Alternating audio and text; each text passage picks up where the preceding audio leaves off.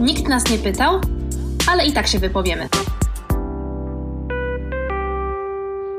Dzień dobry, drogie słuchaczki i drodzy słuchacze. Witam Was bardzo serdecznie w kolejnym odcinku. Nikt nas nie pytał, ale i tak się wypowiemy.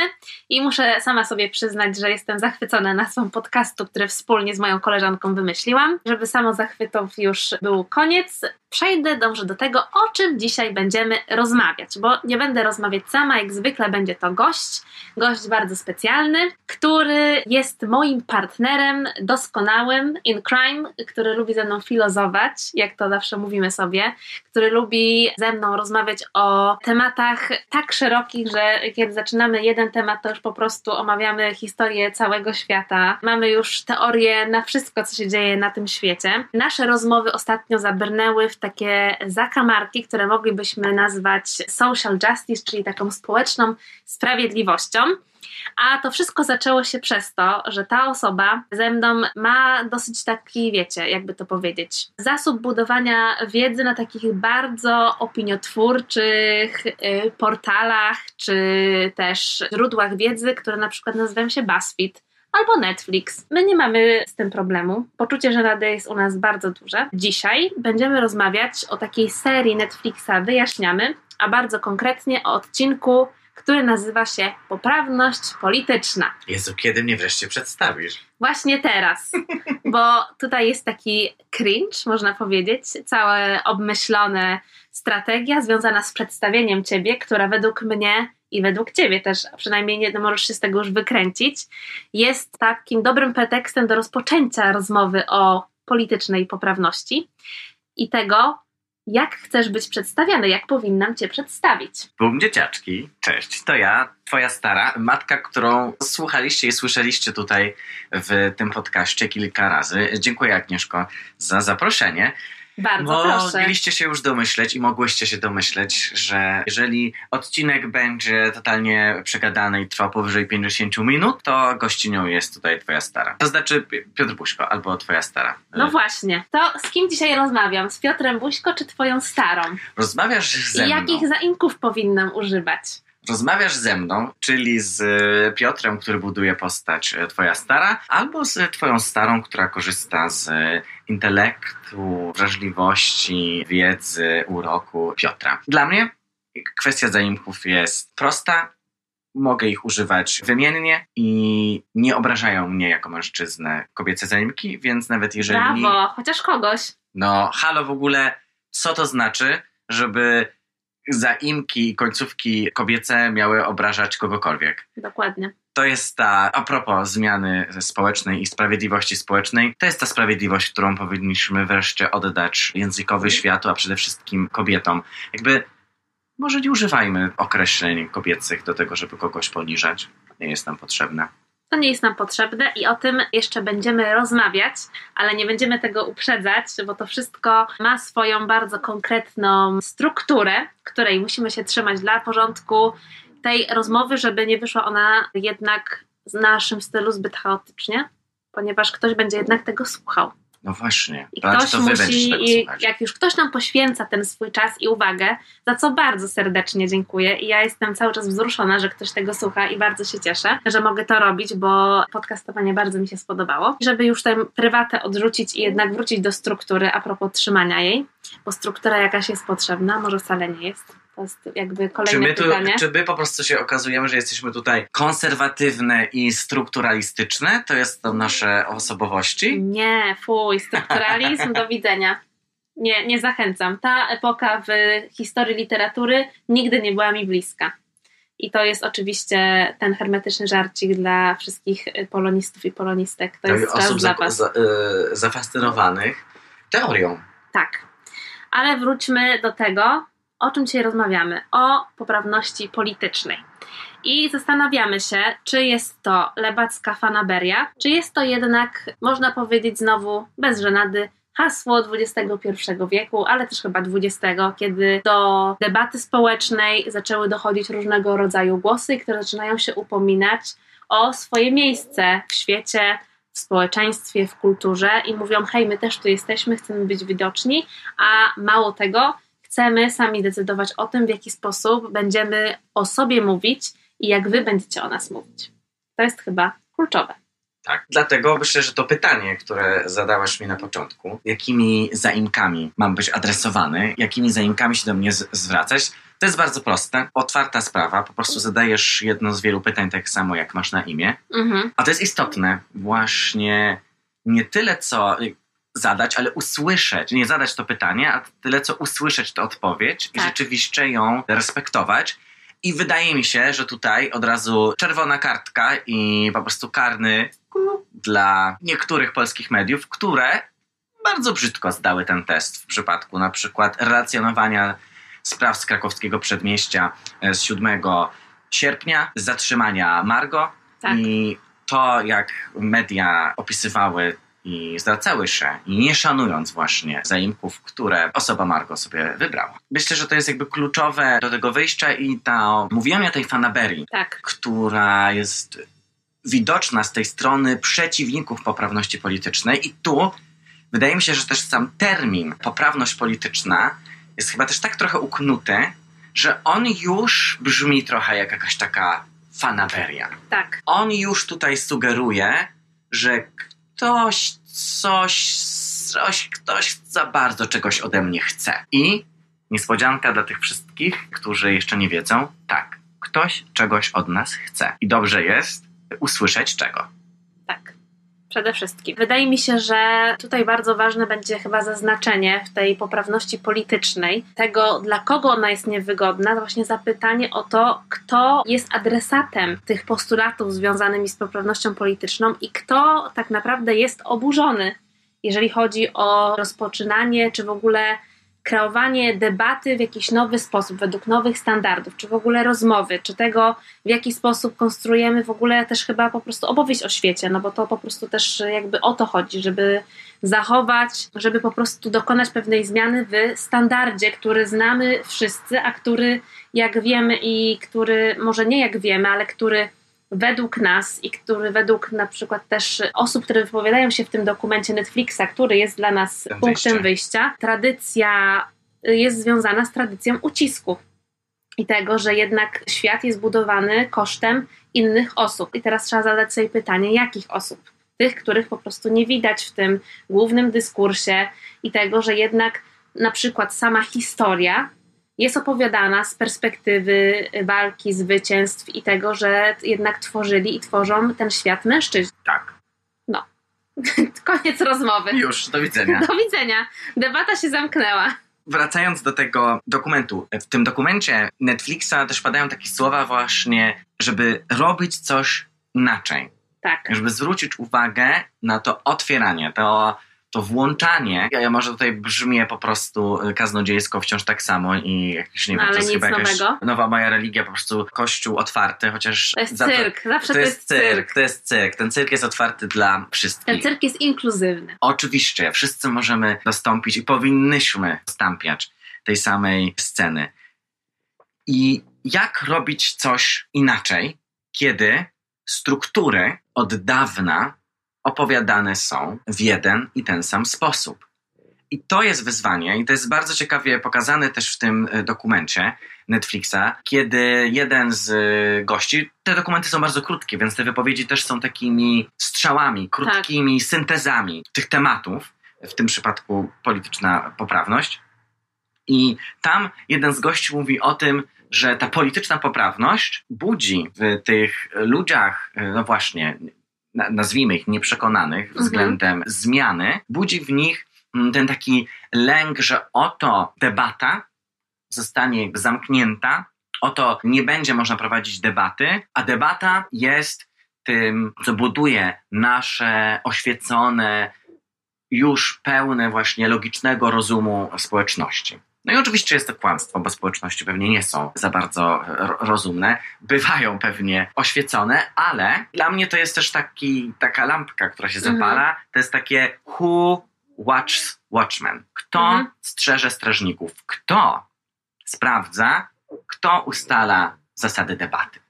I moim zdaniem to właśnie teraz, od XX wieku do tego momentu, w którym my jesteśmy, te ruchy za poprawnością polityczną, to właśnie podnoszenie ręki do góry, to zgłaszanie się, to mówienie jest nieustannym pytaniem i sprawdzaniem. to ustala tę debatę i włączaniem właśnie do debaty tych głosów, tych tożsamości, tych osób, których wcześniej w tych debatach nie było. I myślę, że to jest szalenie istotne, żeby sprawdzać, że ten oświecony rozum, który ustalał kształt debaty, no to byli kolesie w perukach. Dzień dobry, halo, No może, nie, no może nie były to właśnie draksy, A może były to pierwsze drag queens. może były to pierwsze drag queens, ale właśnie z tego swojego oświeconego rozumu oświecały nas. A teraz do tej wiedzy dostęp mamy w zasadzie na kliknięcie. Możemy się wypowiadać w zasadzie na każdej możliwej platformie. Możemy się wypowiadać czytając tylko lidy albo oglądając tylko 20-minutowe dokumenty. Tak. Pozdrawiamy siebie w tym momencie. No oczywiście, ale tak funkcjonujemy. I konsumując też te media, w tym dokumencie Netflixa bardzo jest ciekawy ten moment, kiedy jedna z gościń przedstawia te punkty tolerancji i rozszerzania. tak. Że najpierw jest ta tolerancja, która jest taka trochę zdziwiona, że pojawia się dookoła nas ktoś, kogo nie rozumiemy. Co, pojawia się coś, co jest jakby poza naszą strefą komfortu. Tak. Z tym, co znamy, tym, co uważamy za normatywne na przykład. Potem, poprzez różne strategie normalizacji, okazuje się, że te osoby i te problemy, które są w obwodzie, mo- mogą być też moimi problemami, problemami moich bliskich. Zaczynamy rozumieć, że może w takim razie należy budować świat, który będzie włączał te tematy i te osoby, które były Które na je po prostu uzna. Które je uzna, bardzo tak. To jest to uznanie. I trzecim jakby dużym tematem jest to zrozumienie, że to wynika z jakiegoś takiego wewnętrznego lęku i sprzeczności, że trochę się dajemy po prostu manipulować i mówimy pewnymi strukturami, które niekoniecznie wynikają z mojego poglądu na świat, bo gdyby tylko się w to wszystko wczytać i naprawdę otworzyć na spotkanie z innym, też z innym doświadczeniem, no to nie ma rozumu, który jakby obroni uprzedzenie. Nie ma. Uprzedzenie w ogóle trudno obronić, jak się je zada mu bardzo proste pytania i będzie się starało gdzieś tam po prostu znaleźć źródła tego uprzedzenia, no to bardzo łatwo je rozbroić, tylko trzeba chcieć to zrobić.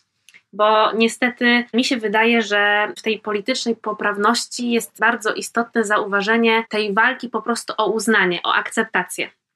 Że jednak to jest cały czas starcie tych głosów, które są uprzywilejowane i które mogą po prostu ci powiedzieć, że nie chcą cię uznać, bo są w tej pozycji, że mogą ci powiedzieć: Nie muszę tego robić, nie chce mi się tego robić, nie muszę podjąć tego wysiłku, ponieważ w moim życiu jest mi na tyle wygodnie, że ja po prostu mogę prowadzić je w taki sposób, że będę cię nadal nie zauważać, że, mogę, że będę traktować cię z pogardą, że będę mówić do ciebie w taki sposób, jak mi się podoba, ponieważ mam tam jakiś taki społeczny kapitał związany też z, takim, z taką siłą i z użyciem tej siły w takim symbolicznym, ale też niestety fizycznym wymiarze. Tutaj będziemy mogli potem porozmawiać na przykład o, o tym w ogóle, w jaki sposób mówimy i jakie znaczenie mają słowa, no bo to o to wszystko się rozbija, nie? I od Że- tego się też zaczyna ten dokument Netflixa o słowach. Tak, że to jest tak, że dla niektórych to są tylko terminy, to są tylko po prostu tworzenie jakiejś takiej fanaberii wobec y, słów, które nie mają znaczenia, ale słowa są też po prostu drogą do emancypacji i nie tylko do tego, żeby być tolerowanym, bo ja w ogóle tak prywatnie nie lubię słowa tolerancja, bo ono w sobie ma jakieś dla mnie takie narzędzie, jest takim narzędziem, że ja że dla mnie tolerancja to jest za mało, że ja nie chcę kogoś tolerować, bo to, że kogoś tolerujesz, to znaczy, że, że, że pozwalasz mu istnieć, ale za bardzo nie uznajesz go, że dla mnie tym słowem takim mocniejszym jest po prostu uznanie i akceptacja, że to są te ta, takie po prostu bardziej podmiotowe, wydaje mi się, słowa, które pokazują, że nie ma tej wyższości, bo jak kogoś tolerujesz, to znaczy, że pozwalasz mu w swoim, gdzieś tam na, w swoim otoczeniu istnieć, Na tych obrzeżach obrzeżach, ale nadal jesteś ty w centrum, a akceptacja i uznanie jest dla mnie takim też współistnieniem.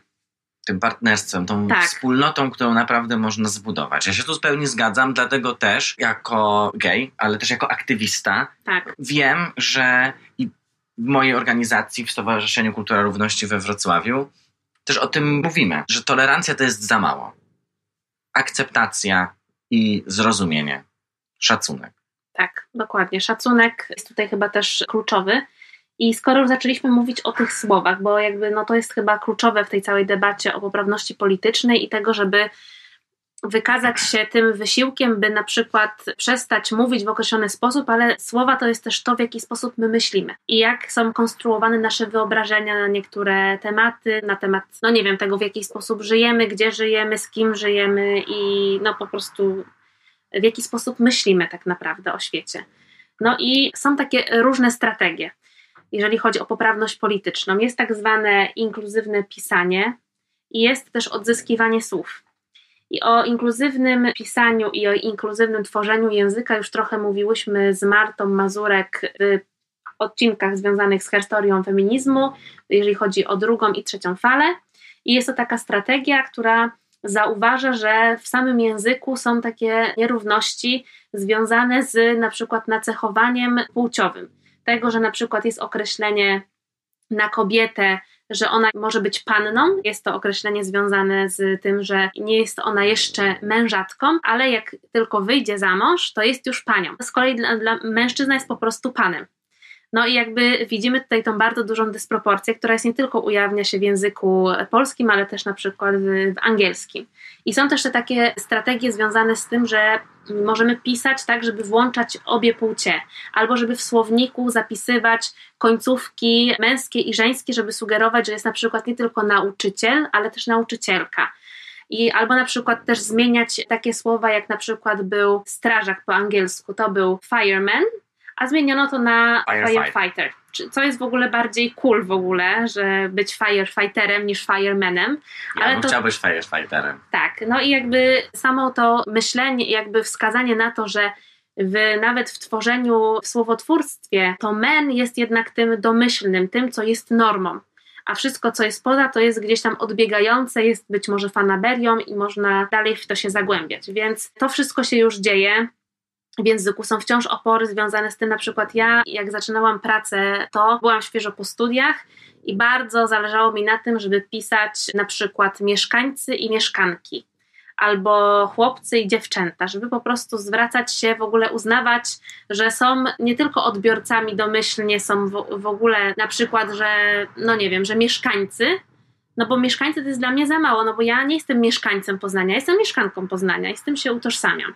I wiadomo, że pojawiają się trudności, kiedy no, na przykład rozróżnienie na męskie i żeńskie jest już teraz niewystarczające, bo w końcu do głosu dochodzą osoby, które określają się jako niebinarne, y, na przykład. I one mają prawo opowiedzieć o sobie w inny sposób. I chodzi o to, że język jest tworzony przez ludzi i dla ludzi, i to nie jest jakiś twór, który nad nami panuje. I możemy podjąć to ryzyko, żeby zastanowić się, w jaki sposób możemy pisać, żeby jednak włączyć ludzi. I to uważam, nie jest jakiś wielki wysiłek. Nie, w ogóle nie jest. Na przykład. To jest można... po prostu walka z jakimś takim schematem, do którego się przyzwyczailiśmy. Tak. I to jest to wyzwanie, które stawia polityczna poprawność. Jest to wyzwanie dla tych, którzy albo są strażnikami starego systemu. W perukach? Na przykład są to ci panowie w perukach, może być to na przykład blond peruka, nazbyt pomarańczowa cera. Być może. Być może. Albo, no znowu, te osoby na tych strażniczych pozycjach mogą też, mi się to bardzo gdzieś kojarzy, tę strategię walki z poprawnością polityczną widzianą jako fanaberia, to mi się bardzo jakby kojarzy z tym, o czym rozmawiałyście z Martą Mazurek, a propos tego backlashu, mhm. że nie uznaje się po prostu tych zdobyczy liberalnej kultury, tego włączania, tak. tego otwierania społeczeństw, mhm. ale przede wszystkim no właśnie zauważenia jak bardzo różnorodne są społeczeństwa. Mhm. Więc teraz ta jakaś homogeniczność tego społeczeństwa będzie już po prostu stawiać, będzie stała na straży i uruchomi całe swoje zasoby do tego, żeby to bombardować. I one będą przeróżne, one będą polityczno-cyniczne, żeby uzyskać jakby wpływy dalej swoje mhm. polityczne, albo będą deprecjonujące w postaci zaśmiewania się mhm. i umniejszania pewnych rzeczy, jak na przykład to, że ktoś powiedział, że nie będzie się zwracał do Margo żeńskimi końcówkami, sugerując, że to może teraz powinniśmy nazywać mnie krzesłem. Tak. Więc jakby, i, i, to jest absolutnie działanie właśnie, żeby nie usłyszeć. Tak. Przekierowanie dyskursu na rzeczy, które nie mają w tym dyskursie znaczenia. Bo to, co w tym dyskursie z poprawnością polityczną ma znaczenie, jest właśnie to, by działać tak, żeby ta zmiana przestała Mhm. być tylko deklaracją otwartości, a stała się realnym działaniem. To jest właśnie to pytanie, czy to jest jakby strategia, czy to jest jakby metoda na to, by zbudować w jakiś sposób, no oczywiście to brzmi może patetycznie, czy nie, no ale jakby kim jesteśmy, jak nie patosem. No, My jesteśmy akurat chodzącym patosem i patoską. ja, zapra- ja zapraszam. Tak. I zaproszenie do naszego patosu brzmi, ja tutaj rzucam takie pytanie, czy to jest taka strategia, która nam jest takim wytrychem do budowania jakiegoś nowego społeczeństwa, tego jak myślimy w ogóle o świecie, bo wydaje mi się, że po prostu tak, w jakiś sposób. Ja się tu zgadzam z tobą. No ale jest jednak spora grupa ludzi, która z jakichś powodów nie chce w tym nowym porządku uczestniczyć, ponieważ to narusza ich przywilej i ich taki status quo. Każe im zrobić miejsce dla innych osób, które od dawna są w tej przestrzeni, ale na przykład się ukrywają, albo są niewidoczne, albo po prostu my nie chcemy ich zauważać i wolimy powiedzieć, że są krzesłem. Albo ktoś stworzył Tak. Taki świat, że one są niewidoczne. Mi się bardzo podoba to, co ty mówisz, że, że zrobienie miejsca. No Właśnie to miejsce jest, bo jeżeli są te osoby, jeżeli są głosy, jeżeli są e, przestrzenie, to, to one tam są.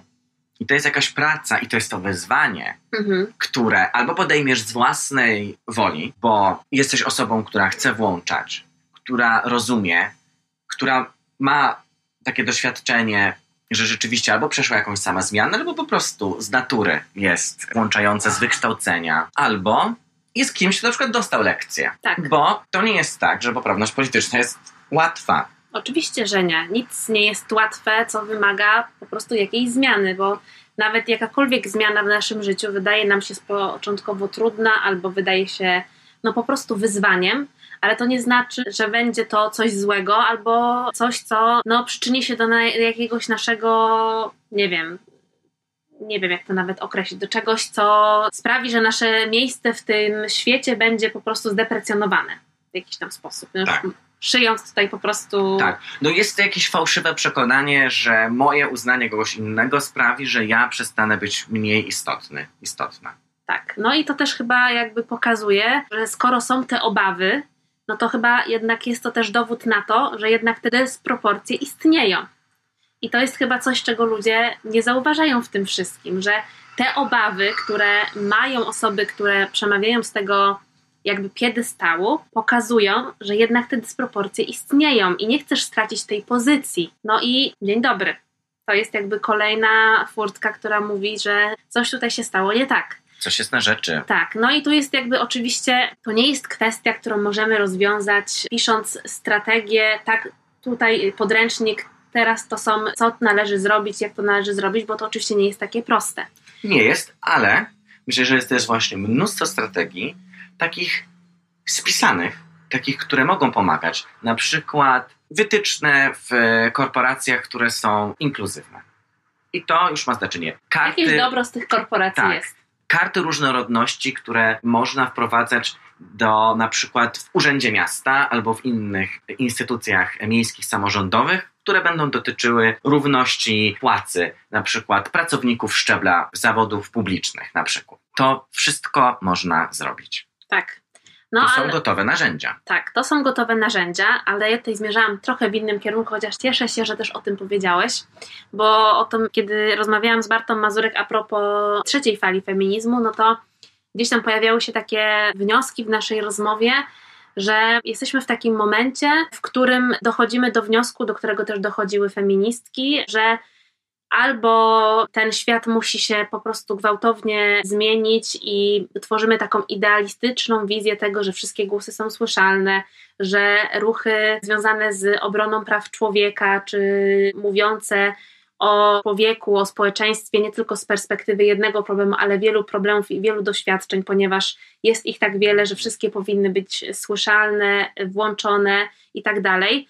No i to jest jednak trochę utopijna wizja, ale mamy też takie bardziej, niektórzy je określają jako radykalne i to jest jakby, ja nie wiem, czy to jest do końca radykalne, no ale może tak. To, że po prostu no, świat jest zbudowany z reguły już z samego jakby tego, w, jakim miejscu jesteśmy, do którego dotr- dotrwaliśmy, no on nie jest dobrze opowiedziany i skonstruowany i po prostu trzeba by to wszystko zniszczyć i opowiedzieć sobie na nowo, ponieważ nie jesteśmy w stanie już w ramach tego, w jakim po prostu w opresji, jakiej żyjemy i na jakiej zostało to zbudowane, i tu nie chodzi tylko o opresję wobec człowieka, ale też na przykład człowieka wobec natury i tak dalej, no to, że to już jest jakby za późno, że to trzeba powiedzieć na nowo, że po prostu na zgliszczach budujemy coś nowego. No i oczywiście, jak to zwykle bywa w tym podcaście, tutaj nie zostanie jakaś co na odpowiedź na to pytanie.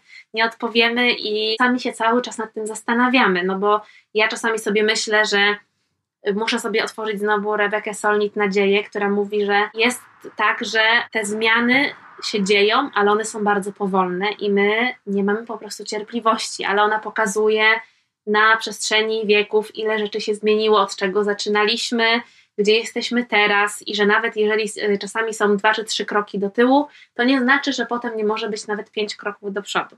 I tak dalej. I warto to sobie przypominać, bo jednak żyjemy w tym świecie i jakoś musimy przetrwać, żeby po prostu mieć siłę na to, żeby nagrywać na przykład kolejne odcinki o właśnie takich utopijnych rzeczach, gdzieś zbudowane na naszym idealizmie, który pozwala nam przetrwać i gdzieś tam wierzyć w to, że będzie lepiej na tym świecie, no bo to gdzieś nas konstruuje i sprawia, że chce nam się wstawać z łóżka. No ale też jest tak, że jak zastanawiamy się nad tym trochę dalej, nad tym w jaki sposób nasz, sam nasz język jest konstruowany, no to potem dochodzimy do jednak dosyć smutnych wniosków. I ja tutaj tak zapętlając, chciałabym powrócić jeszcze, bo trochę odeszliśmy od tej kwestii języka i od kwestii, która dla mnie jest bardzo ważna i o której ja chciałabym, żebyś opowiedział, kwestia odzyskiwania słów i nadawania im nowych znaczeń.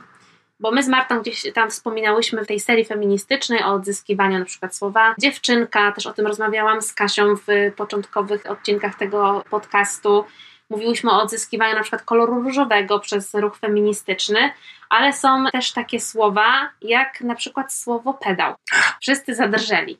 No i ja bym chciała, żebyś o tym powiedział, bo ty masz przeciekawą teorię na ten temat. O, z tymi odzyskiwanymi słowami no to jest rzeczywiście tak, jak mówisz, że działa jakaś taka normalizacja i że to jest trochę branie na swój oręż, branie na swój emblemat tego, co było moją krzywdą, co było właśnie tym, co określało mnie negatywnie i zaczyna i może budować mnie pozytywnie, podaje mi jakieś wzmocnienie w postaci, nie wiem, tożsamości jakiejś grupy, do której się włączam i z którą mogę się identyfikować. I tak na przykład wspominane pewnie już tutaj wcześniej w różnych kontekstach też słowo queer, które najpierw było bardzo określeniem negatywnym względem osób e, nienormatywnych seksualnie, mhm. a poprzez naukę stało się znormalizowane i teraz oddychamy już tym znormalizowanym queerem i jesteśmy tym pokoleniem, cokolwiek podobnie pewnie e, radykalnym, ale tego queeru, który właśnie już go wziął jako swój. I wydaje mi się, że z tym słowem na P, ze słowem pedał, może być podobnie, ale to też jest grząski, grząski grunt, dlatego że tutaj no to słowo, które określa w sposób bardzo pejoratywny e, homoseksualnych mężczyzn, gejów, jest bardzo nacechowane negatywnie i wydaje mi się wręcz, że teraz w języku polskim jest to jedno z takich słów, które wyraża jakąś taką największą nienawiść. Mhm. I jeżeli chcemy coś zdeprecjonować, kogoś obrazić, jeżeli chcemy wykazać coś, co nam się nie podoba, to zawsze i to nie będzie niezależne od tego, czy ktoś jest e, osobą homoseksualną, albo czy coś należy do osoby homoseksualnej, będzie określane właśnie, żeby obrazić mężczyznę, powiemy mu, że jest pedałem, a żeby powiedzieć, że coś jest nie takie, powiemy, że jest e, pedalskie. Więc to jest trudne z tym odzyskiwaniem, bo wciąż jest jednak zbyt silnie używane e, słowo, żeby jakoś tak nas do określania tym, kim są homoseksualni mężczyźni, ale myślę, że to jest istotne, żeby trochę jednak to, to brać. Ja bardzo często lubię tym e, szafować i, i mówić, że to jest trochę tak, że, że jeżeli biorę jako swoje swoją tą, naj, tę największą obrazę, to nie masz żadnego oręża, którym możesz mnie zniszczyć. Mhm. I myślę, że to jest bardzo, bardzo istotne. Możesz jeszcze powiedzieć o tym, bo ja zastanawialiśmy się, dlaczego to słowo pedał jest tak naznaczone tą nienawiścią i pogardą. Czy ja ostatnio opowiadałam Ci, że spotkałam się z taką okropną sytuacją. To jest jedno z wielu, bo to, że ja słyszę pedał jako wyzwisko po prostu idąc do sklepu, no to po prostu zawsze gdzieś ktoś po prostu na mojej dzielni łazarskiej będzie po prostu wyzywał się od pedałów, albo mówił, że ktoś jest pedalski i tak dalej. I ostatnio, no, ja uważam, że na tyle, ile na ile możemy, musimy zwracać przede wszystkim uwagę, że nie możemy pozostawać obojętni wobec języka, bo wydaje mi się, że bardzo dużo wiąże się z tym, czym jest po prostu przyzwolenie. Że dopóki nie zwraca się uwagi i mówi się nie warto, to w ogóle jest, jakby z tymi ludźmi nie ma co rozmawiać. I to nawet chyba nie chodzi o to, czy oni nas usłyszą, ale to, że zostanie im zwrócona uwaga, że to nie jest ok. Ale to też jest ta pułapka tych ludzi, bo od razu wrzucamy te osoby, które używają w sposób pogardliwy, w sposób nienawistny albo właśnie bezwiedny mhm. takich określeń, do jakiejś grupy osób, które są złe, które są nieprzychylne. A no właśnie, bardzo często jest tak, że one, że to język mówi nimi że to one mhm. nie, nie znają i nigdy w życiu nawet nie szukały alternatywy na to, żeby znaleźć inne słowo, które będzie określało coś, co chcą wyrazić, nie wiem, negatywnego. Mhm. I że to też jest to wyzwanie, że to jest to zderzenie. Nagle się okazuje, że jak to jest możliwe, że takie słowo, tak jak słowo na M, mhm. jak to jest możliwe, że ono jest, nie, że ono jest nieprzezroczyste? Jak to jest możliwe? No, otóż jest. Tak. Otóż jest. Ale ja bym chciała jeszcze, żebyś powiedział, bo tutaj do tego tak zmierzam i zmierzam, żebyś powiedział o swojej teorii na temat tego, że dlaczego to słowo jest tak nacechowane pogardliwie.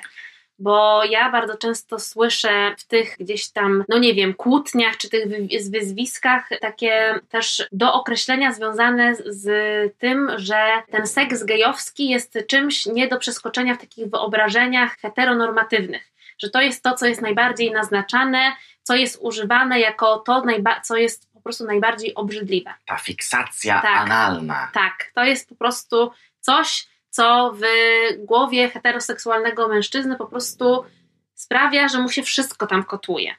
I ty masz teorię na temat tego, dlaczego? Oczywiście, że mam teorię.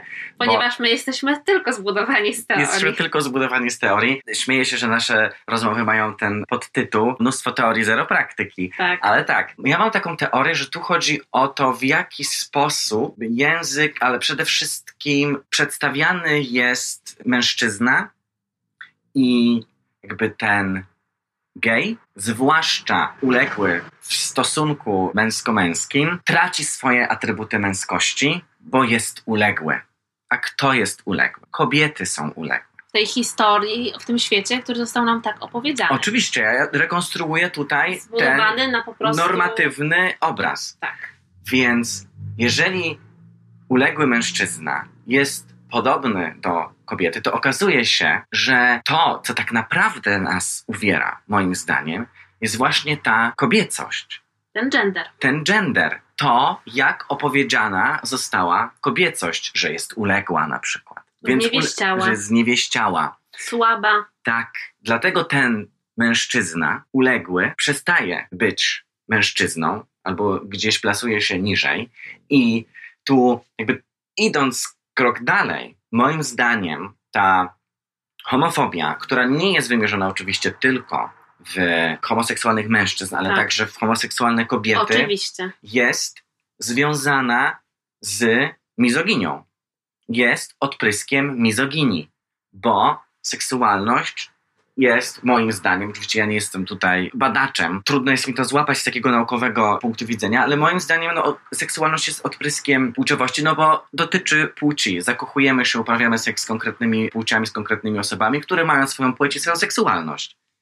I to, że kobieca seksualność, kobiecy gender, kobieca płeć jest źle opowiedziana, to wszystko, co będzie z nią konotowane, będzie też źle opowiadane i ten uległy mężczyzna będzie źle opowiadany, będzie znienawidzony. I wydaje mi się, że tak, homofobia dlatego jest pochodną mizoginii. To też dotyczy właśnie homoseksualnych kobiet, lesbijek, te, które nie realizują tej fantazji o trójkącie albo nie realizują fantazji o tym lesbijskim seksie. Mhm. Te, które wyglądają nie tak jak norma przyjmuje e, wygląd lesbijki, im też odbiera się bycie kobietą, na przykład określając kogoś babochłopem tak. i tak dalej. A to jest nie w porządku na każdym polu i moim zdaniem, powtórzę, a uwielbiam się powtarzać, y, homofobia jest odpryskiem mizoginii.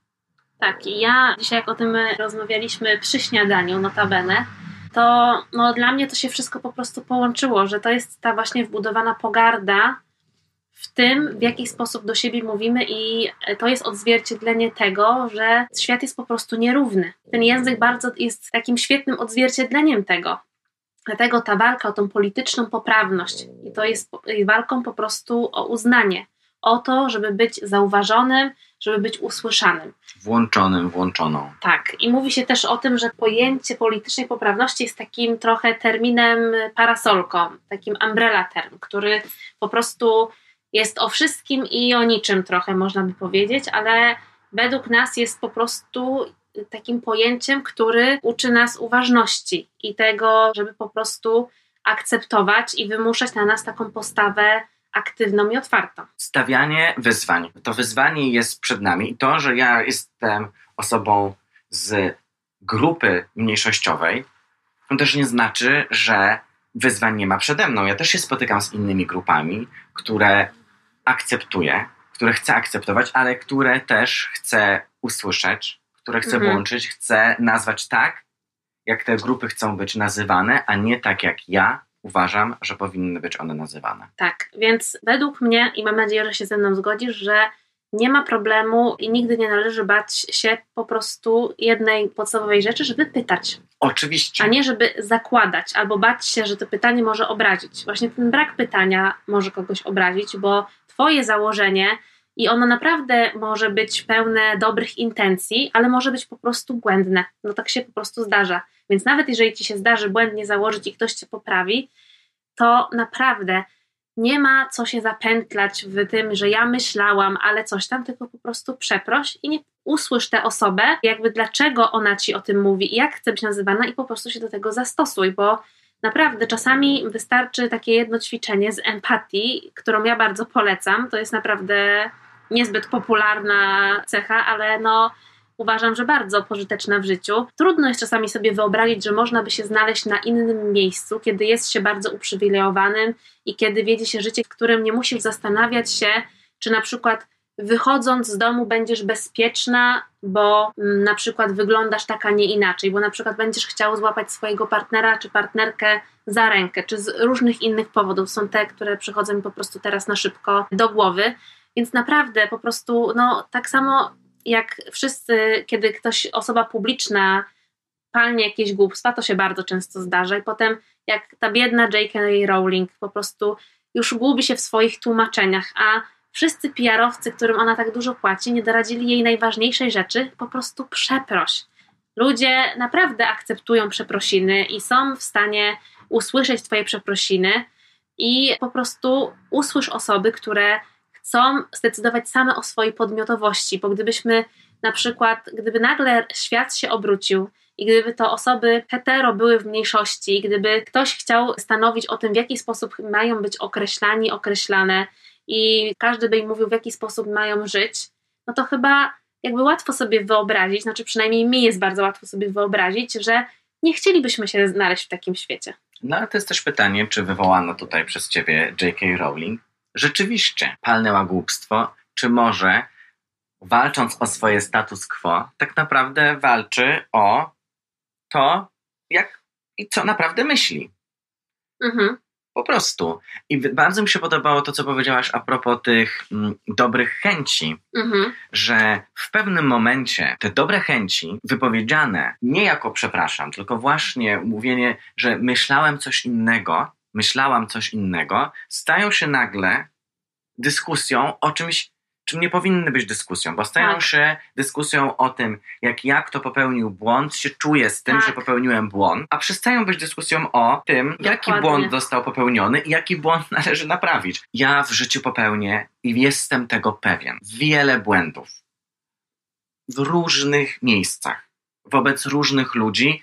Jestem przekonany, że wiele z nich będzie moim błędem nie z przekonania, które jest wrogie, mhm. tylko będzie po prostu pomyłką, gafą, jakąś moją niewiedzą. Tak.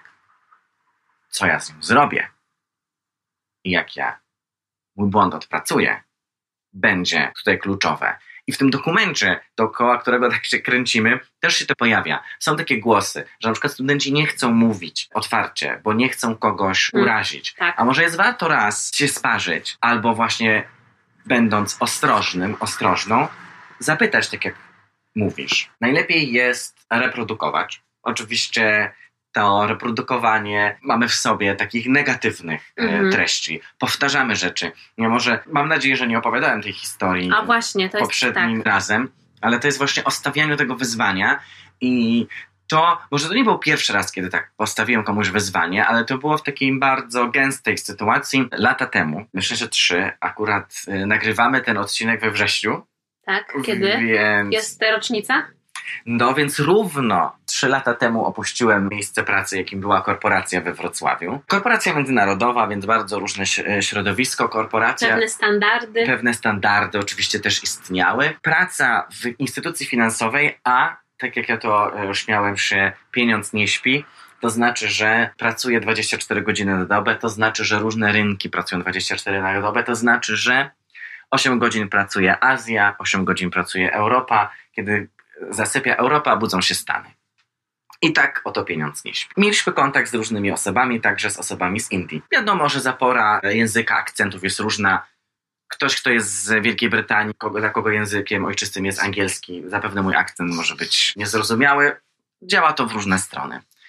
Ale zawsze spotkanie z osobami z Indii jest trudne i było nastawione ogromną negatywnością wielu osób, które się kontaktowały z e, osobami z Indii. Sposób, w jaki ktoś określa osoby, określał osoby z Indii w mojej pracy był okropny.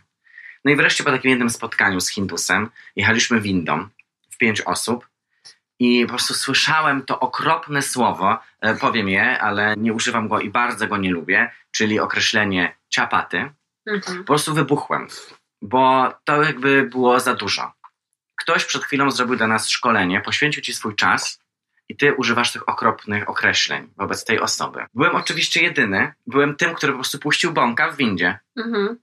Wszyscy mają skwaszone miny i nagle się okazuje, i to usłyszałem. Nagle jest niekomfortowo. Jest niekomfortowo i usłyszałem właśnie to, jak bardzo słowa chcemy, żeby były przezroczyste. Ktoś mi odpowiedział, ale przecież on jest ciapaty. I ja tego nie rozumiem. Powiedziałem, że w takim razie od dzisiaj zwracamy się do siebie tak, jak wyglądamy i to, kim jesteśmy. Ty jesteś niski, więc jesteś kurduplem. Ona e, jest korpulentną dziewczyną, więc mówimy na nią gruba, tak? A ja jestem ciotą. Od dzisiaj tak się do siebie zwracamy. Przy czym, tutaj dla uśmiechu i puszczenia oka, Ciapaty jest też szefem i podpisuje się na paskach płacowych tych osób. Ale właśnie, nie myślimy. Reprodukujemy rzeczy, które słyszymy w biurkach obok. Dlatego warto jest budować te właśnie nie ściany, takiej, y, od których będą się odbijać te słowa, tylko raczej membrany, przez które one będą przechodzić i będziemy je blokować i przekazywać dalej i odbijać i mówić nie. Jakby przez mój boks to dalej nie przejdzie. To jest trudne, To jest trudne. bo język nami mówi i ja pewnie nieraz... Zwracanie uwagi jest trudne, bo Tak. to się wiąże z konfrontacją czasami. Tak. No to nie jest po prostu proste, bo nigdy nie wiesz, jak zareaguje ta druga strona. A jak się okazuje, najczęściej reaguje defensywnie. Tak. ale myślę, że kluczem jest tutaj po prostu rozumieć, że warto jest przerywać te spirale, być tym, który nie podaje tego dalej, że jest takie określenie nienawiść, którą dajesz. Tak. I ona może być całkowicie nieuświadomiona. I kiedy ją sobie tylko uświadomisz, to możesz wiedzieć, żeby jej nie przekazywać dalej. Dokładnie. Amen. No tak, ja tutaj nie dodam nic innego, ale jeszcze zamykając tę dyskusję i zmierzając już gdzieś tam do końca, to jeszcze wracając do źródła i powodu, dla którego się dzisiaj rozmawiamy o poprawności politycznej, to w tym dokumencie na samym początku jest takie zdanie, które mnie zmroziło i to jest zdanie sam brak komfortu nie powinien wymuszać zmian. Otóż, proszę Państwa, to jest właśnie powód, dla którego zmiana jest potrzebna i która nie powinna być absolutnie zatrzymana. My, jako osoby bardzo uprzywilejowane, mamy prawo być, mamy obowiązek, nie prawo, mamy obowiązek być tymi sojusznikami i sojuszniczkami, którzy nie będą głusi i głuche na to, w jaki sposób język jest raniący, i będziemy po prostu strażniczkami tego i strażnikami by ta zmiana się zadziała i inkluzywność stała się normą. Tak? Ja mówię tutaj Amen. amen. Więc kończymy nasze filozofowanie, filowanie i wszystkie inne rzeczy. Fazowanie. Fazowanie również. Ja dziękuję Tobie, Piotrze, dziękuję Twojej starej. Dziękuję w obojgu imionach.